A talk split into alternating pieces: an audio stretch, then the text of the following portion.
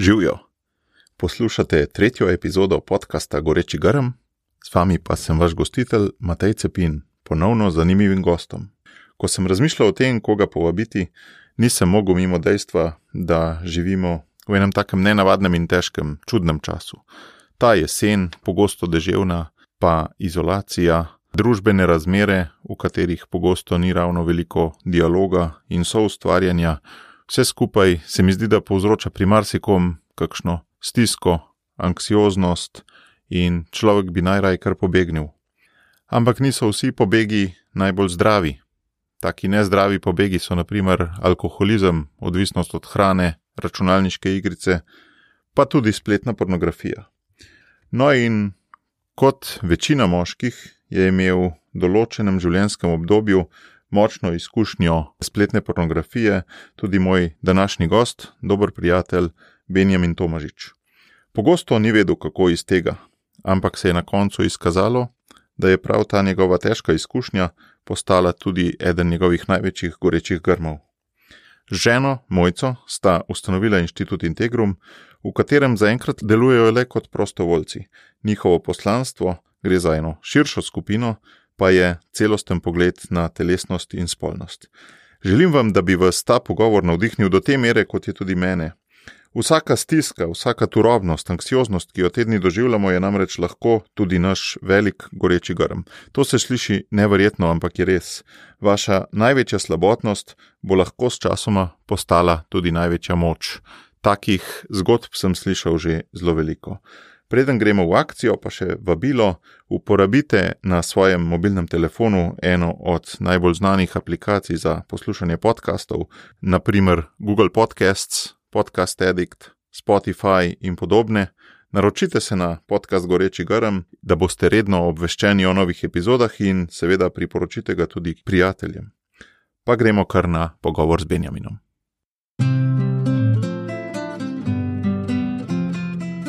Že veš, kaj je tvoj edinstven prispevek k boljšemu svetu in kako ga udejaniti?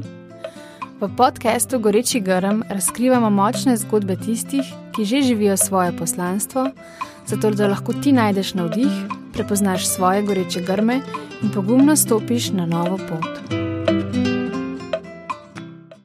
Živijo, Benjamin. Živijo, Matej.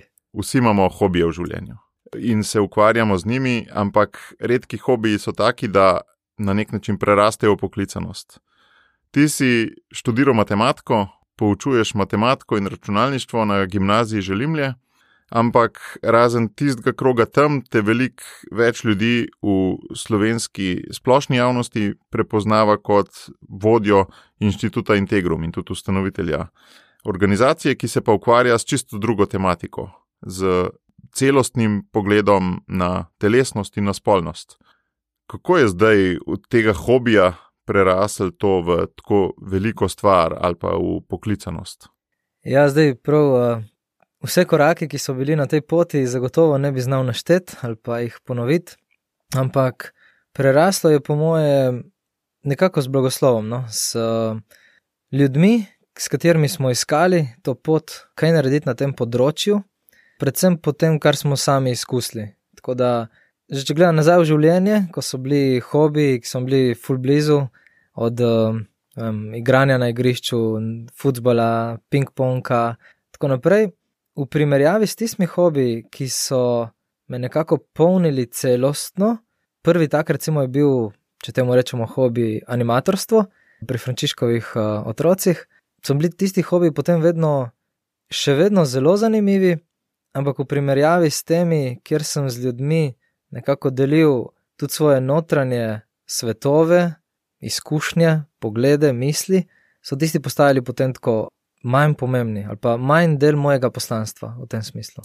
Pa bi lahko rekel, da je ta rdeča nit v tvojih dejavnostih to, kar te vedno znova privlači, če sem te prav razumel, to, da deliš neke notranje svetove, poglede, misli, da prideš z ljudmi blizu. Zagotovo je to nekaj, kar me zelo, zelo pritegne. Pa ni nujno, da, da v prvi vrsti sem jaz tisti, ki delim, uh, ampak lahko tudi, da samo sem prisoten zraven, ko se delijo ti uh, notranji pogledi. To zagotovo je nekaj, kar me zelo, zelo navdihuje, pa mi je blizu, me izziva vedno znova in me spodbuja na lastni poti. To je. Ja, spolnost je gotovo nekaj tazga, kar je ljudem blizu, jih spravlja blizu skupaj, lahko jih pa tudi zelo močno razdvoji ali pa razdvaja. Ne? Zdaj, kaj je sploh išil te spolnosti za te? V bistvu, zakaj sploh je to vredno se odpirati, se, se lotevati tega? Zakaj je ta tema tako pomembna za te? Odkar sva z mojico ženo ustanovila inštitut Integrum, se je tukaj tudi moj pogled, oziroma to, ki si izpostavil, ta uh, moja točka premikanja ali pa nekako spodbuda glavna, mal premaknila, oziroma se mal premika, no tako bom rekel. Ker v tistih prvih uh, letih pa najni zvezi in potem uh, življenju po poroki, ko je bilo predvsem iskanje spolnosti, nekega osmišljena te najne ljubezenske zveze, poroke, želje po družini, je zdaj prišlo v dost veliki meri tudi se preveslo v to predajanje naprej. Se pravi, kako jaz dejansko so ustvarjam družbo, kjer je pogled na spolnost in telesnost čim bolj zdrav. Se pravi, da jim pomaga iskati identiteto, celiti rane, ki se porajajo na tem področju, in iti v življenje nekako brez kakšnih večjih zagrenjenosti, ali pa tudi če pride do njih, da se jih, je, da, se jih da, da jih je zmožno potem se razrešiti, razčistiti. Tako da tukaj izzivov je itak, pogledal je to, kot je ljudi, se mi zdi, eh, na področju spolnosti. Uh, ampak uh, pri meni, pri sebi opažam, no, tako, da vse čas me nekaj poganja naprej, me, mi je to področje v izziv, v eno samo refleksijo, po drugi strani pa tudi v razmišljanje, kako naprej bi bilo fajn, bi bilo dobro, zdravo za družbo na tem področju, da usmerimo svoje poslanstva, svoje življenje. Kje je rane, ali si lahko konkreten, kje rane se najbolj pogosto pojavljajo v zvezi s tem, kaj jih ti opažaš?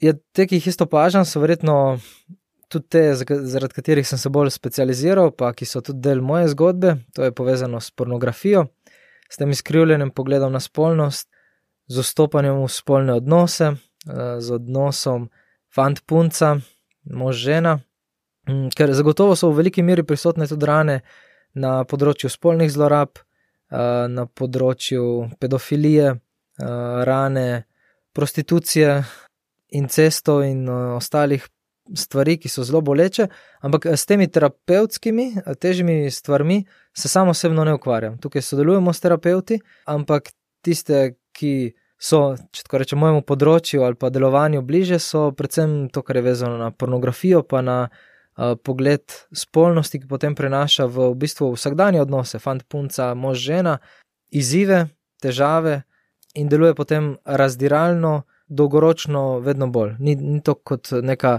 traumatična izkušnja, ki je vezana samo na en trenutek, ampak je nekaj, kar potem dolgoročno razdvaja, pa prinaša neko razdvojenost, eh, prepad v bistvu v odnosu. Te številke v zvezi s pornografijo so kar grozljive, ne sem slišal v zadnjem času, lahko kakšno podeliš. Ja, te, te številke tako, um, nisem najbolj uh, privrženec uh, podelitve ali pa deljenja teh številk, zato ker se raziskave med seboj dosta razlikujejo, no?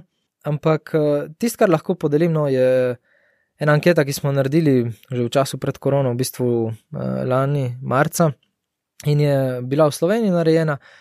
In je pokazala v bistvu, da moški, okrog 25% je bil odstotek tistih moških, ki so odgovorili, da v določenem delu svojega življenja s pornografijo so imeli ali pa še vedno imajo neke probleme, izzive, nekaj, kar želijo spremeniti. Pri ženskah je bil ta delež okrog 30%.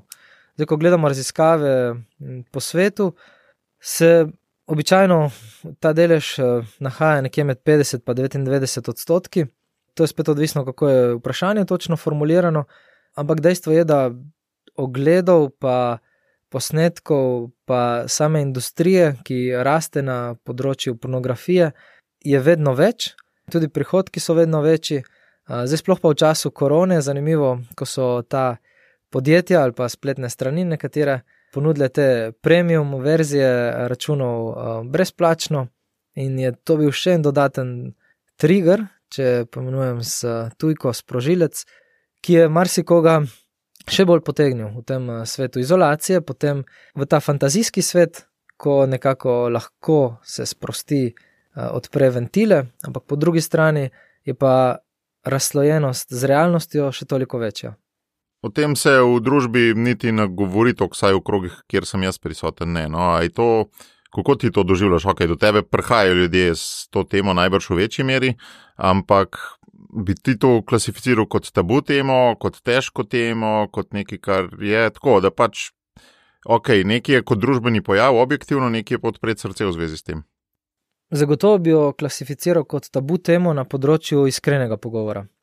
Ker tako, že si predstavljam, ko smo bili mi mulci, uh, smo se zafrkavali o tej tematiki. Jaz sem v tretjem razredu, ko je sošolc nas povabil domov, fante, in nam pokazal video kaseto, ki je dobil upornič od očeta.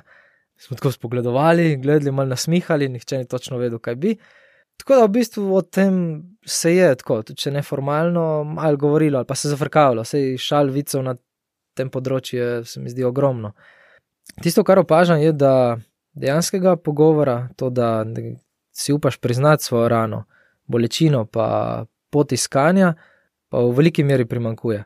Recimo, podelil bi izkušnjo, ko smo imeli delavnice na javni osnovni šoli in je v skupini samih fantov, tako frajeri so bili, mislim, so bili sedmi razred, tisti, ki vidiš, da so v generaciji uh, ta glavni. Ne? Sem odprl to temo in pol tako se začel nasmihati in ja, ja, mi naštevati vse po žanre in to. In po desetih minutah minutah pogovora, so dejansko tako poslušali z odprtimi usti. In tako je potem rekel en, ki je bil tam, tako bi mu rekel, alfa samec v tisti skupini. Rekel, ampak zakaj se o tem ne pogovarjamo tako normalno, pa zdaj, zakaj nam nihče ne pove stvari, ki so vezane na to. Tako zelo odprt, iskren pogovor. In do stran so si upali tam v, v desetih minutah dejansko pol tudi podati ven. Uh, od tega, da je rekel nekdo, da ja, ja, to je tisto, kar dobim vedno na računalniku, ko grem za očetom. Gor, do tega, ko pač uh, so pripovedovali, kako so imeli prve izkušnje s tem in kako takrat niso imeli pojma, kaj narediti tem ali komu povedati, ker je tak taka stvar, da o tem se ne govori. Tako da, ja, bi na tej globalni ravni zagotovo dal kot neko tabuizirano temo. Na tisti površinski pa zagotovo ne, ker so vsi plakati, pa reklame, vsi je veliko število plakatov, reklam, eh, videoposnetkov, takih, da že vključuje neko stopnjo, bi rekel, pornografskih prizorov. To je tisto, kar zdaj le sem prav začutil, ko si govoril prej o tem, da je tvoj goreči grm na nek način tisto, ko ljudje prej neki ne delijo osebnega, pa pa delijo. Ne? Da si zdaj le v tem razredu točen to opisal. Da, da ti je to tisto, kar te ta iskrca, ki te žene, ta plamen. Zagot, zagotovo. Tudi ko imam delavnice za starše, recimo, ko se pogovarjamo o teh tematikah, In ko podelim del svoje zgodbe, potem ko slišim tisto, ko se odprejo in ko vidiš, da mi je lažje, ko povedo v skupini, da, da rabijo ta varen prostor za deljenje teh stvari, uh, zagotovo je to zelo, zelo močan del tega mojega gorečega grma, netiva pri njem. Pa je res ljudem večini lažje, ko povedo, ali je prisotnega po tvojem tudi zelo, zelo velik skrivanja in da bi se marsikšna stvar sesula, če bi se to povedal? popolna iskrenost je zagotovo na tem področju veliko prezahtevna, da bi tako na enem srečanju kdorkoli dal. Ampak da, da vsaj delček si, si upajo začeti deliti ven, pa po mojem je malo lažje. Tako v tem smislu, ok, ni, nisem bil obsojen, um, ker tukaj je ogromno krat prisoten tudi sram, pa strah uh, itak moža pred ženo ali pa uh, pred staršmi ali pa ostalimi. Tako da na tem področju tisto vstopanje, oziroma ta misel, se mi zdi, ki, ki jo nekako zaradi kulture, zaradi vzgoje, kakorkoli, doskrat nosimo s seboj, v smislu, itak sem tok nečist ali pa tok pokvarjeno, ali pa je to tolk skrit del mene, ki ga drugi ne poznajo, da če bi ga poznali, potem me ne bi več sprejemali v takem uh, obsegu, v, v taki meri. To je tisto, kar zadrži zelo močno nazaj. Pa včasih je verjetno tudi smiselno, ker se odpirati kar vsem na vseh področjih tukaj uh, je zelo nevarno znabiti. Ampak to, da se pa sploh začne govoriti, pa da se začne upati priznati, recimo, ko imaš kakšno srečanje za moške, recimo, in ko vprašam, kdo, kdo je s tem že imel izzive, probleme ali to, in ko vsi dvignejo roke, je začutiti to lajšanje, je začutiti to, hej, sem med tistimi, ki se tudi borijo s tem, nisem edini tukaj razfuran ali pa nisem edini, ki tukaj nima urejenega 100% življenja. Kaj pa je produkt tvojega delovanja, neko olajšanje ali boljši odnosi, ali kaj, kako bi zelo, zelo na kratko opisal, z dvema, tremi besedami? Eh, zelo na kratko. Um, Ja, zagotovo ena od stvari tukaj bi, bi dal to varen prostor, ta de detabuizacija na globi ravni. Upanje, morda, upanje bi dal kot eno bistveno tukaj postavko, v tem smislu, lahko se spremeni življenje. Ne? Kljub temu, da, da se počutiš, da si totalno odrekel, lahko prideš ven, lahko priplezaš, eh, so zgodbe, so poti, so načini. To, to si vsaj želim in upam, da je uh, del tega delovanja, zagotovo. No? Po drugi strani pa tudi ustvarjanje za te prihodnje rodove, za mladostnike, nekega okolja, ki bi bilo bolj naklonjeno celostnemu, pa odprtemu pogovoru o spolnosti nasploh. Imáš veliko zgodb takih moških, ki so splezali ven, iz recimo tega, da so prej parkrat na teden bili v tem, pa pol niso. Ja, ja teh zgodb je, ko, ko iz zasvojenosti v bistvu se pride v neko svobodno življenje, v osvobojenost, če tako lahko rečem. Dosti teh zgodb, tudi v, v Sloveniji, tudi v okviru oseb, s katerimi sem se trudil pripravljati kakšne programe, so zelo konkretne zgodbe, tiste zgodbe, ki so upanja polne in ki dajo uh, zagon uh, za delovanje, pa za neko spremembo na tem področju. Pa, pa zelo različne so, od samskih do poročenih, do tistih, ki so v celibatu, uh, ja, z vseh strani. Super, eh, te zgodbe so vsekakor vredne truda, Švica in tudi marsikakšnega plačanega davka. Ne? Zdaj davek na tem področju se ne plača z denarjem, ampak s čim drugim, pa me glih ta davek zanima, kaj ga ti plačuješ za to. Um, a si kakšno, ne vem, drezaš v smotane pa težke teme, no? a te je to že kdaj česa koštal? Um, si fasu že kdaj kaj. Me je, ampak bolj neverbalno ali pa tako tisto podtalno mal bi rekel. No, tako da bi direktno dobil v, v faco kakšne hude stvari, zaenkrat če ne. No. Uh, tudi se mi zdi, da nisem še tako nek ne vem, hudo, ostro dregno ali pa aktivno napadel kogarkoli, da bi se čutil osebno prizadetega. Se mi zdi, da tisto, kar je, je najbolj tako, da, da čutim kot napad ali pa kot izziv, je tisto, kar je neizrečeno, tisto, kar ostaja nekje spodaj zaenkrat, no, tako v, v, v tem smislu. Drugo je vse tako pod površjem, pa se mi zdi tudi težko dokazljivo, tako da tukaj niti ne bi nič od tega, po moje, izpostavljal. No. Se pravi, na nek način nisi še doživljal zelo hude žeje, pa lahko te v tej tvoji puščavi na poti, na tvoji poti integruma. Na poti integruma dejansko niti ne.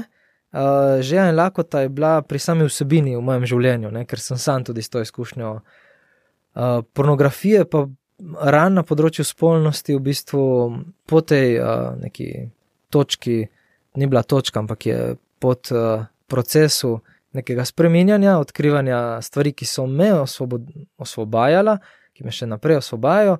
Tukaj v bistvu je bilo tista iz, iz puščave naprej, ko me je gnalo proti obljubljeni deželi. Je to malo podoben temu, ko je 12. korak pri anonimnih alkoholikih v bistvu to, da zdaj, ko si se sam osvobodil, se, se v resnici nisi osvobodil za svojenosti z alkoholom, če ne daješ drugim tega naprej. Bi to s tem lahko usporedili pri tebi? Mm, zagotovo. Tukaj tudi si ne delam nekih utvar, da sem dosegel neko full hudo stopnjo in zdaj sem jaz eh, car in sem lahko za zgled drugim.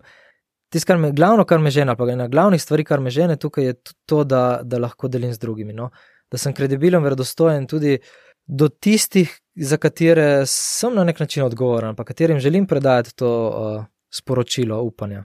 Kakšna je pol ta sploh zgodba uspenjanja? Lahko podeliš kaj iz te zgodbe, iz pekla do tega, da vendarle, sej si rekel, nisem na, viš, na, vi, na vrhuncu zdaj, ne, ampak iz tega, ko se čutiš na nuli, da bi rabo od drugih pomoč, če sploh ne, če si sploh še možen rešitve, pa do tega, da vendarle bilanca tvojega je vendarle, da veliko daješ, ne? da, ni, da nimaš toliko lastnih osebnih izkušnjav. Kako je to uspenjanje potekalo? Je to sam molitev, zavedanje, pomembni odnosi ali kaj?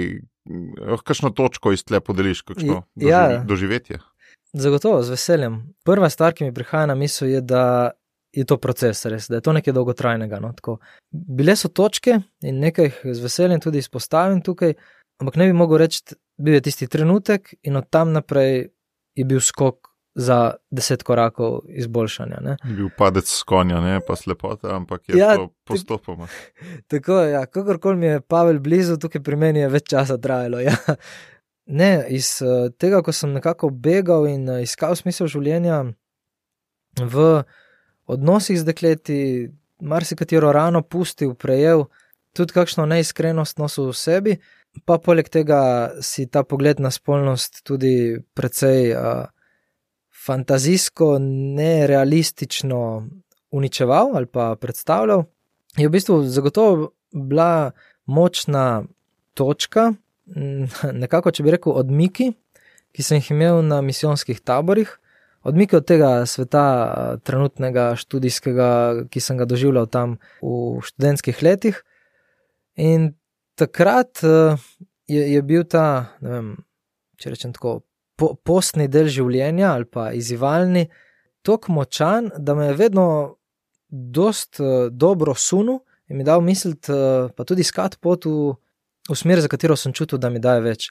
Predvsem na tem področju celostnega dojemanja sebe, zato tudi ime Integrum pri inštitutu kot celostnost človeškega bitja. In tam so bili tako trenutki, ki so me zelo močno spodbujali. Spravi ti odmiki, dvomesečni v državah tretjega sveta, kjer je bilo pomanjkanje običajnih dobrin in seveda tudi digitalnih sredstev. In to, to mi je dosti pomagalo takrat doživeti en korak streznitve na tej poti. No. Zagotovo je bil potem en odnos z Bogom, z Jezusom, ki sem ga počasi gradil in ki je postal vedno bolj konkreten del mojega življenja. In tudi tukaj še vedno iščem nekako, kako mi v tej dani situaciji, v kateri živim, on lahko pomaga, on prispeva, ne nekje daleč, visoko tam, ampak danes, tu in zdaj. To je bilo tudi tisto, kar mi je močno močno pomagalo iskati pravo smer. Tretji korak je pa bil um, prevzemanje odgovornosti. Tako, spomnim se že um, v srednji šoli, ko uh, takrat Katarina, ena animatorka, voditeljica, povabila za, za pomoč kot animatorja, začetnika. Tista uh, vloga, ko sem bil odgovoren za nekoga, je dala. Do, dost večji, se to sem že prej omenil, dost večji uh, nek uh, napolnitveni bazen občutka smisla. In uh, potem postopoma, ko, ko smo ustanavljali Društvo mladih v Župni, ko sem prevzel funkcijo vem, predsednika študentskega sveta tukaj na faksu, ali pa ko smo kakšne druge nacionalne pa mednarodne projekte peljali čez, je bilo nekaj, kar mi je bilo vedno znova tako služenje, ki mi je tudi reflektiralo moje notranje življenje. Tako. Tudi neka uspešnost, pa potrditev na nekih drugih področjih, ne ti da vedeti, da nisi nula. Ja, zagotovo. Ker uh, tam v tej dvojnosti ali pa fantazijskem svetu, ki je vedno vprašljiv ali pa ki vedno real, postavlja realnega pod vprašaj, uh, je potem to življenje konkretno z ljudmi dejansko v odnosih uh, živimi in bližnjimi mi dalo nek feedback. Ki me spodbuja na tej poti iskanja rasti. Tista zadnja točka, zadnja pika, se mi zdi, pa je bila prav ves, poznanje ali pa odkrivanje teologije telesa, pa tudi potem zveza, oziroma že od začetnih faz z mojo sedanjo ženo, ona me pa najgloblje potem porinila v to tematiko. Zdaj le do zadnjega stavka tvojega sem imel na jeziku, da ti ne verjamem, da odnosi z ženskami pa niso nič vplivali na to tvojo pot, ker si omenil čist druge stvari. Ampak bi mogoče vse to, kako pa so vendarle odnosi z, z ženo in morda, če si imel prej še kakšno drugo zvezo, ne vem, uh, vplivali na to pot. Prav zadnji odnos, torej ko sva začela hoditi z mojco, je bil tisti, ki je dal neko dodatno.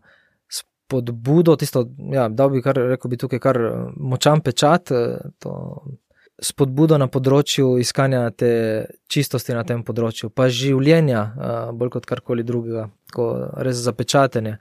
Prej, doskrat, kar sem omenil malo med vrsticami, je bilo to, da sem iskal neko uteho v teh odnosih. Torej, kakorkoli že so se mi zdeli romantični, tako sem iskal tudi svoj smisel v tem, pa vedno se predstavljal kot moža očeta je, je bilo dost, to sem kasneje ugotovil, ugotovil, je bilo dosti ranjenosti v meni in v bistvu sem, uh, sem v teh odnosih potem, če malo grdo rečem, ampak tudi pasel svojo ranjenost. Sej ni bilo to samo izkoriščanje, ampak je bilo tudi neko poželjenje, iskanje lastne samo potrditve, uh, ne toliko z namenom podarjanja, no? ker tukaj sem pa vedno bolj prepričan, da ljubezen, ki v prvi vrsti ni namenjena podarjanju, da je osiromašena svojega bistva, da v bistvu uh, se jo težko definira kot ljubezen no? ali pa se jo ne more. In tukaj je, je bil en ključen preskok med zvezami, ki sem jih imel prej, se mi zdi, uh, iz mojega notranjega sveta in uh,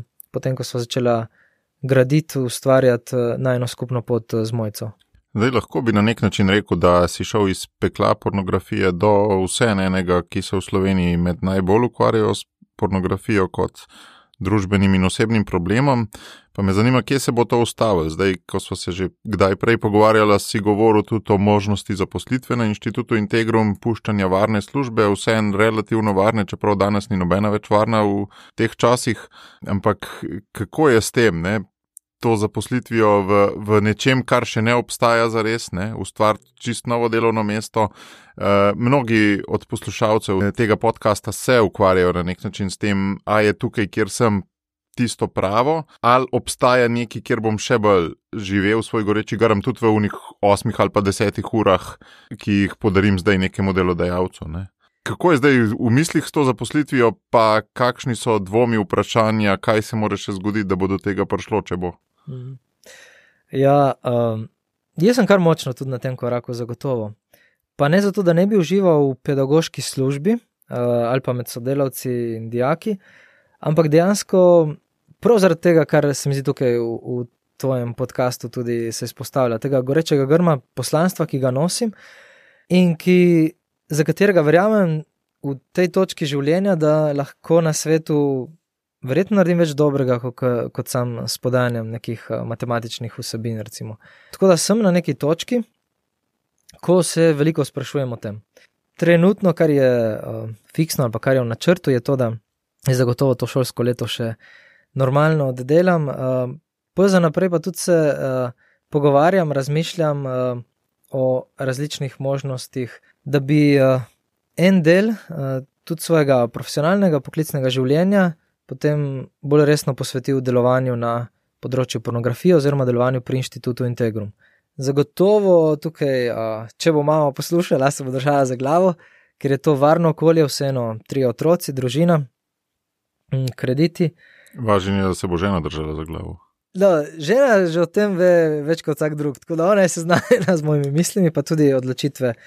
Mi je ključno, da jih spremljava skupaj. No, Ampak uh, tukaj je izziv, velik izziv, no, tako, kako vstopiti v, v neko polje nevarnosti, po eni strani, po drugi strani pa ne zanemariti tega, kar uh, čutim, kar nosim v srcu, kar, uh, kamor me kliče, no, vedno bolj kjer tudi vidim neko osmišljanje svojega življenja na tem področju. Ampak v čem je izziv, kaj je uvira?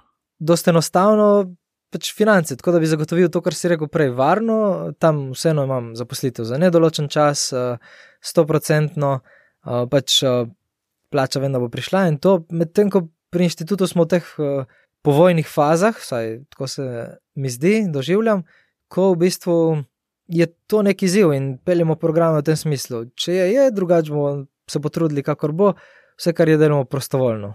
Je, ker pa se tudi narava dela spremeni, ne? zdaj ste vsi tam na istem. Ne? Jaz sem bil prisoten pri vas na ene dveh stvareh in na čem sem bil najbolj fasciniran je to, koliko ljudi res srcem, brez vsakršnega koli pričakovanja, je pripravljeno skupaj mlet, sejati, potem bi pa nekdo od tega dobil denar, ostalih na minus ena pa ne. ne? ja, to je zagotovo izziv in to tudi uh, nas čaka še temeljitega premisleka, no? tudi osebno, pa vse, ki tam delujemo. Tudi to, kar si izpostavil, bi rad poudaril, no? da pri inštitutu Integrum ključno je prav ta skupnost, no se mi zdi, tudi nama z mojco, uh, daje zagon in uh, spodbude in uh, tudi ogromno nama pomaga rasti, kljub temu, da smo ustanovitelja, pa tista, ki smo verjetno najbolj prisotna pri stvareh. Kako pa se je zgodila ta skupnost? Velikrat, ravno prej, ta teden smo z enimi kolegi debatirali o tem, kaj je pri pobudništvu pomembno, in smo opredelili, da je en zelo, zelo pomemben korak to, da iz moja pobuda postane naša pobuda. Da nisi ti en, ki imaš idejo, ampak da se ustvari neko gibanje ljudi, ki vsi čutijo podobno idejo. Ne? In tudi jaz moram reči, imam s tem kdaj izzive, pri velikih idejah. in izhajam preveč iz sebe, ne, ne poslušam drugih tok mogoče. Kako je te, recimo, uspel za to konkretno stvar, inštitut Integrum? Tako, ne bom rekel, da ti je uspel, ampak kako se je zgodila taka skupnost okrog te ideje? V bistvu je že pred samim inštitutom Integrum uh, postajala skupnost no? uh, mladih prijateljev, s katerimi smo uh, debatirali o teh vprašanjih na, na najbolj splošni možni ravni. V smislu, ali lahko sploh kaj naredimo, zakaj bi sploh šli v kaj takega, kakšne so možnosti, da tukaj postavimo kakšne stvari. In je pol dejansko so bile odločitve od logotipa do imena, do same formalizacije, so bile stvar vem, tistih, recimo, desetih oseb, s katerimi smo vse čas debatirali to. Uh, tako da se mi zdi, da je raslo že od tega ven no? in, in želim tudi usmerjati to v, na to pot še naprej, no? na ta način, v smislu stvari, ki jih sprejemamo ali pa ki so bistvene, ki vključujejo neke odločitve, da delamo skupaj z ljudmi, ki se čutijo, da tudi lahko na tem področju nekaj dajo, ki želijo doprinesti dodati svoj en košček. In teh ljudi, kot si omenil sam, je res uh, veliko, ogromno. Z, z dveh eh, strani se mi zdi to dragoceno. Po eni strani zato, ker dejansko tako je pobuda sama močnejša, eh, je doprinos večji, in po drugi strani, ker te osebe, ki so vključene, tako vidim, oziroma sklepam po samem sebi, potem same napredujejo na tem področju lažje, so bolj angažirane, pa tudi samo reflektirajo. Ne. Me nekaj zanima. Velika večina od nas, ki to poslušamo, ima neke skupine prijateljev. Ampak kako pride neka skupina prijateljev v to fazo, da se začne kar poigravati z nekim logotipom, pa z nekim poslanstvom neke organizacije? Pa tako več večinoma, ko imamo vem, skupine prijateljev, jih imamo bolj, da zadovoljujemo svoje potrebe. Kako, kako se ta, ta preskok rodil, da ste pa skupaj sanjali, da nekaj bi naredili? Tega ni veliko. Ja, dobro vprašanje. Si mi dal misliti. Uh, zelo močno se spomnim dveh tednov, ki sta bila ključna, po moje, za ustanovitev uh, Integruma. To je bilo, ko sem bil prvič na očetovskem dopustu, po rojstvu Samuela, in so takrat z mojco dosti do časa namenila pogovoru o tem. No? In že od tistih prvih začetnih faz, vem, da je bilo vprašanje, pol, okay, koga še čutiva, da ima modrost, pa da bi nam iskreno uh, dal nek svoj pogled in ga vprašamo za mnenje. In tako v bistvu sva s prijatelji, ko je navezal uh, pogovor na neke splošne stvari, izpostavlja tudi to področje. In uh, dejansko jih je bilo kar nekaj, potem taki, ki so se odzvali, hej, jaz bi tudi želel kaj pomagati na tem področju. Sicer nisem strokovnjak, sicer nimam dosti izkušenj, sicer je moja pot takšna in takšna, ampak tako naprej. In uh, od tam potem naprej je prišla pobuda, ki nas je povezovala, nekatere krajši čas, nekateri še zdaj zelo močno prisotni, tudi uh, novih je, ja, precej, oziroma vedno več, ampak mislim, da je potem, ko, ko nas malo poznajo kot neke sogovornike na tem področju, lažje drugim tudi vstopiti ali pa izpostaviti kakšno svojo misel uh, ali pa rano in potem tudi ponuditi uh, podporo da si mi dal kot en recept. Se pravi, ko imam idejo, vprašati par ljudi za nasvet o tej ideji, ki vem, da se spoznajo, pa da bojo iskreni v tem nasvetu. Nama je bilo to takrat zagotovo dragoceno, pa neka pozitivna izkušnja. Da ne vem, če je formula za vsako stvar delujoča ali pa enaka, ampak takrat vem, da je, je bilo to kar ključno. Ampak na prvem očetovskem dopustu se ponavadi pogovarja z ženo o tem, kako pač lepega otroka imaš, pa o dojenju, pa kaj ne gre, pa to ne gre, pa un ne gre, pa kjer hrano bomo jedli, da bo, nosečni, da bo porodnica zdrava, pa to. Vidva pa take teme. To je reki, nekaj res mogli biti. Ne. Take teme niso običajno za prvi očetovski dopust.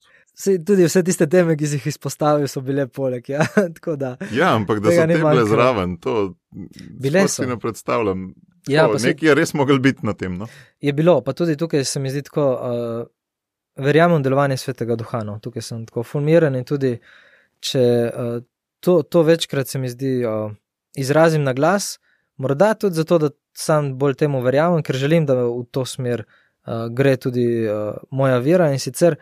Če ne bomo sledili tukaj gradni Božjega kraljestva, s tem, kar delamo pri Integrumu, je v redu, da propade in da čim prej propade. Tako da tukaj sem fulmiran z tega vidika in sem tudi prepričan, da je kdo tam zgoraj mal podtaknil to temo na tisti prvi očetovski dopust. Vse so bile tudi druge, zdaj, zdaj si me spomnil, si da mislim, tako ena veverico smo vsako jutro opazovali uh, skozi okno, tudi pri zajtrku, ko je bil čas in bil mir in to. Ja, te uh, teme so včasih mal podtaknjene. Zdaj govoril si o svetem duhu, po drugi strani pa, ko bereš uh, predstavitev Integruma na spletni strani, ni nekih v bistvu duhovnih primesi, oziroma reko bi katoliških, krščanskih primesi zelo velik noter napisan. Um, včasih je na nek način za take organizacije nek tak identitetni dvom. E, tudi socialna akademija včasih ne? je bilo treba kar velik, pa še zdaj ne vem, ali smo razpucali to ali nismo. Ne? E, identiteto, ali smo mi vsi, ali smo katoliški, ali tako najbolj sami sebi. Uh, gremo na živce s tem, ki si ne upamo priznati, ali ne. Um, ne, kako je s tem pri inštitutu Integrum? Ma, dejansko tukaj jaz sem bolj miren, kot sem bil včasih. Uh, smo imeli res dosta uh, izzivov, kako na vzven se uh, predstavljati. Kar mi je danes ključno, je to, da izhajamo iz imena. Inštitut, primarno kot organizacija, ki dejansko želi delovati na strokovni ravni in uh, v skladu z dejstvi, z objektivnostjo, ki je podkrepljena.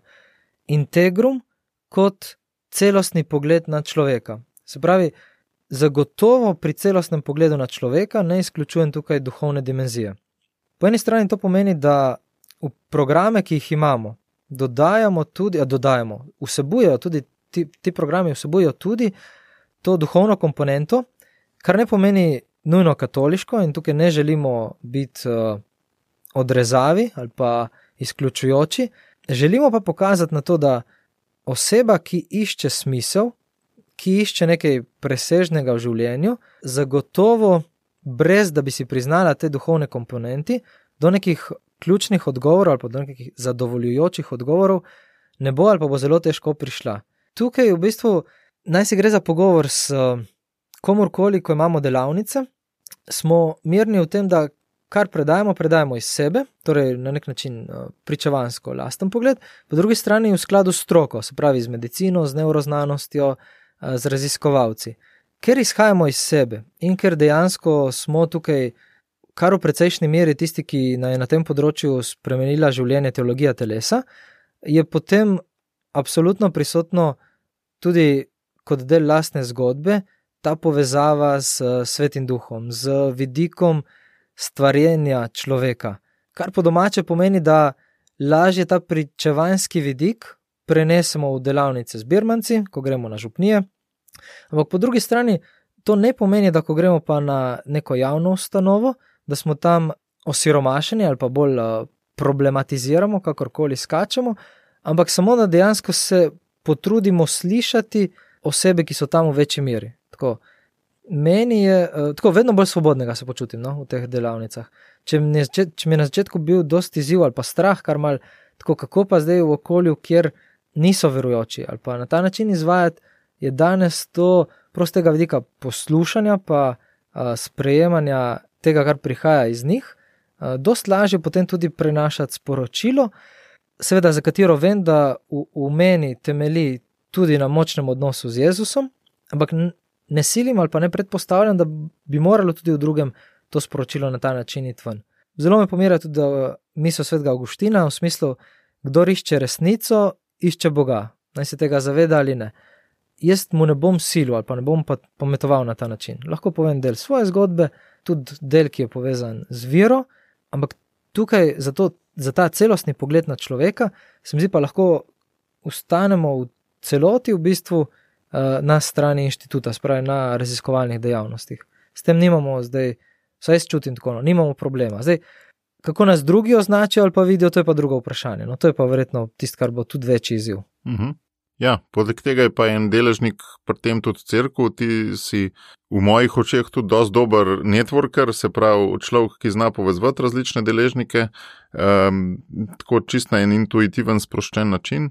Kako vidiš ti v crkvi tole temo, pa tudi konc koncev med celibateriji, to je vedno tako nam laikom nekaj, kar si mislimo kaj svojega, pa tudi sicer. Um, je tudi tabu ali ni tok, ali. Ah, še bolje tabu, se mi zdi. No. Zaradi te počušinovo krščanske vzgoje se mi zdi, da je tukaj uh, do, dost uh, nekih dodatnih zapornic ali pa mask, ki uh, otežujejo to iskren pogovor. Če vem, v liberalnem svetu po, neki, uh, po nekem defaultu gre za kao odprtost in pač tudi o tem moš govoriti drugače, ni, ni kul, cool, ne. Je tukaj vseeno malo, bom rekel, prav, ne bom rekel prav, tega še dost uh, prisotnega. Da ne govorim o tem, da se mi zdi, da so določene stvari na tem področju še vedno danes, uh, tako rekel bi, kar nekatoliško predane naprej, v smislu vrednotenskega sistema, v smislu samega pogleda na spolnost, uh, odrešenje, podarjanje, tudi užitek, konec, konec koncev. Ne. In um, to se kaže kot izziv, problem povsod. V največji meri bi rekel med zakonci, uh, zagotovo pa tudi med celibateri. Tukaj je izzivov uh, veliko, s tem, da imam zelo veliko srečo, da je precejšnje število duhovnikov in sester, ki jih poznam, tukaj dost odprtih, dost iskrenih in želijo delati premike na tem področju. In, in tako res sem, prav zaradi tega je tudi imam tako upanje da, na tem področju, da se spremenja na boljši. Tako se mi zdi, da imamo zakonci vsem, ko govorimo recimo o pornografiji, pa takih stvarih, en odnos, ki je neke vrste reality check tega, ne? celibateri pa. Ok, kakšni redovniki še, ampak tudi tam, po mojem, odnosi niso tako močen reality check, ne? se jih da bolj pofejkat. Pa pa kakšni, pa sami živijo, pa še manj, ne? se mi zdi, da jim je res veliko težino. Ja, z mojega vidika, ja. Jaz, ko, ko rabim tako človeški tudi odziv, ta si dosti teže predstavljam, recimo, soočenje z neko zasvojenostjo, v primeru, ko živiš sam, ali pa v primeru, ko je nekdo, ki ti nastavlja zrcalo vsak dan, ne? recimo žena ali pa sobrat. Ampak po drugi strani jaz ne živim celibatnega življenja, torej ne morem vedeti vsega. In tukaj, ko si govoril o odnosu, je predpostavljam in si, si mislim, da je tam odnos z Bogom tisti, ki je dosti močnejši, kot ga živim, recimo jaz v tem molitveno, meditativnem, meditativnem delu svojega življenja na ta, na ta način. No, so pa izzivi tukaj veliki. No, Sploh... Je ta molitev toliko večji reality check? Ne? Ja, upamo. No. Čeprav pridejo zgodbe, kot sem ti prej omenil, ki so dosti boleče in z dosti velikimi izzivi tudi na tem področju. No. Zdaj, izziv je pa tudi družina po drugi strani. Kako vam uspe z ženo Mojco usklevati tri mehke otroke, vse do šest let? To je bilo za naju z ženo najtežje obdobje z vidika družine, pa še tale integrum, poleg seveda obeh služb, oziroma zdaj le trenutno samo ene. Kje je pravo mesto vsemu temu? No? A je integrum, ki pride na vrsto, če sploh pride, ali ima svoje mesto na isti ravni kot služba, pa družina? ne moram past, ki bom odgovoril. ne, ne, mojca bi ti verjetno odgovorila malo drugače kot jaz, sem z tega vidika. No, hvala, malo si me potolažil s tem, da je najtežje obdobje tukaj, ko so tako stari otroci, ker je dejansko je veliki ziv. No. Tukaj, če, če ne bi tako močno čutil, uh, oziroma čutila tega integrumskega. Integrumskega poslanstva kot uh, najgoreči grm, pol bi uh, zdaj zelo, zelo tukaj stalo ni na isti ravni. No? Tako, zagotovo si želim, upam in verjamem, da je eh, najprej tisto, kar je prioriteta v mojem življenju, poklicanost moža, potem poklicanost očeta in potem ostalo, kar pride. Eh, seveda služba tukaj zahteva svoje in pač toliko, kot gre službi, to je potrebno dati in to dajo na ta način, ker eh, je to odgovornost. Ki je posledično vezana tudi na življenje družine kot celote. Je pa res, da hobi, recimo, v splošnem tukaj so pa bolj ali manj zdaj vsi ali pa večina jih je podvržena uh, dejavnostim integruma oziroma so povezani mal s tem. No. Rekel bi to, da skoraj vsak dan znova odkrijava, se trudiva odkrivati pa postavljati uh, na primerno mesto te stvari, ki jih imamo obveznosti v življenju in tiste, ki niso obveznosti, ki so nekako izbirne dejavnosti. To je ena stvar, ki nam pomaga.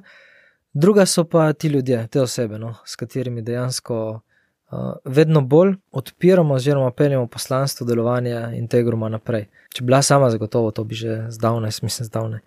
uh, bi že pred časom to propadlo, se ostavilo, ne bi šlo nikamor. No. Če smo ljudje, pa ki si porazdelimo in ko pomislim na tiste, ki so najbolj aktivno vključeni, so v bistvu po veliki večini v, v tako zahtevnih, nekateri tudi v težjih situacijah kot sva sama, ampak vseeno en delček, ki, ki ga čutijo, da je v redu, da ga doprinesejo tudi k temu našemu skupnemu poslanstvu, ga dodajo in na koncu ta mozaik, ki postane sploh ni tako majhen, no? ki postaja v bistvu, vse se še zelo močno izpopolnjuje, no? tako se sam čutim. Ja, ena zanimiva podrobnost je pa tudi to, da imata oba dva podoben oziroma isti goreči grm. Ne? Velikrat nam je v paru težko najti neke sinergije med hobiji, prva je pa tukaj. Ja, dejansko tukaj je zanimivo. Vsebina je tista, ki je del tega najmenjega skupnega gorečega grma. Uh, metodološko smo si kar precej, ne moremo reči različna, ampak v določenih aspektih ali pa pogledih, ali pa predvsem tako uh, karakterno, oziroma tam, kjer imamo talente, različna, drugačna. In uh, tukaj je, se mi zdi, ena super priložnost za dopolnjevanje, za komplementarno sestavljanje skupaj. Po drugi strani je to tudi zelo, zelo dostopna točka za marsikateri prepir ali pa argumentacijo oziroma debato. Ampak tako sem res zelo, zelo hvaležen. Vem, da je mojca za moje stvari, tisto, kar delam, najbolj iskren in direkten ter uh, močan kritik. Tako, tako, tako da, zato sem hvaležen, po drugi strani tudi tisti, ki me najbolj uh, spodbuja in pelje naprej. Ko se boš pa, če se boš, ko se boš pa recimo polovično zaposlil na Integrumu, bo pa to šlo v eno drugo kategorijo. Ne, ne bo več toliko kot ostane, ne? oziroma tega pravega mesta. Pa tudi drugi ljudje ne bojo več v podobnem položaju, ne? ker boš ti od tega plačan, drugi pa ne. ne? Ja, če bo prišlo, oziroma ko bo prišlo do tega, uh, potem se bo zagotovo stvari spremenile. Tukaj se pravim, zaenkrat morda malo naivno, zaupam tudi svetmu duhu, ne vem, kaj prinaša prihodnost, ampak čutim v to smer, da je prav, da razmišljam, iščem. Če za konec zdaj pogledamo nazaj ta pot, na kateri zdaj si, kjeri goreči grmi so najbolj vplivali na njo. Katere točke v življenju bi izpostavil res kot, kot tisti kaži poti, ki so bili um, močni, da si zdaj tukaj, kjer si? Skupnost, v kateri sem odraščal, še kot otrok, To je bil en kup uh, bratrancev, uh, starejših, pa družina, tako zelo ljubeče, odprta, topla, uh, primarna moja osebna, pa tudi širša. Zagotovo bil en tak močan, kaže pot, ki mi je dal tudi spodbude, pa izzive po eni strani. Potem to obdobje mladostništva, ko so mi zaupali od župnika do voditeljice vloge delovanja, prevzemanja odgovornosti na področju animiranja, animatorstva. In morda ena zadnjih, tisto, kar sem rekel, no, ob zvezi z mojco, odkrivanje spolnosti kot nečesa čudovitega, dopolnjujočega ter osrečujočega za moje življenje. Hvala za tole zadnje pričevansko, pričevanski triptih. Tisti, ki ste z nami, ki ste naj v uspeli, kljub vsem opravilom, poslušati do konca. Eno stvar vas prosim, res tako za vas, kot tudi egoistično za me, ker tudi jaz bi rad živel v boljšem svetu. Dajte reflektirati svoje dogodke. Lahko so to čisteni, običajni dogodki, da vam je nekdo zaupal neko odgovornost, kot je Benjamin rekel, ali pa da ste v neki skupini in dajte razmišljati o tem, kam vas te dogodki vodijo, ali ste zdaj le na pravem mestu, ali niste, ali obstaja neka pot, morda, ki se vam zdi tako neverjetna, tako uh, nenavadna, kot se je Mojzes zdaj v goreči grm, da se vam sploh ne zdi verjetno, da bi na njo stopili, ampak morda se glih tukaj skriva tisto, kar vas bo naredilo še bliže sebi in še bliže Bogu. Benjamin, te pa hvala za to res lepo pričevanje. Človeka, ki za razliko od prvih dveh gostov v stvari še ni zaposlen, ne? do sedaj sta bila in Janes Snoj in Aleščerin, oba dva tista, ki v svojem gorečem grmu že delata tudi za denar. Ti si pa v bistvu tisti, ki je šele na tema. Ne? In to je na nek način tudi ciljna skupina, se pravi, vsak od nas ima še nekaj obdobja pred sabo, ki, ki nas še čakajo, pa si še ne upamo čisto njih stopati. Ne? Tako da hvala, da si podelil svoje občutke, pred tem vstopom nekam. Z veseljem. Uh, hvala tudi za vabilo, pa se zelo pridružujem tej tvoji pobudi, ki si jo podal.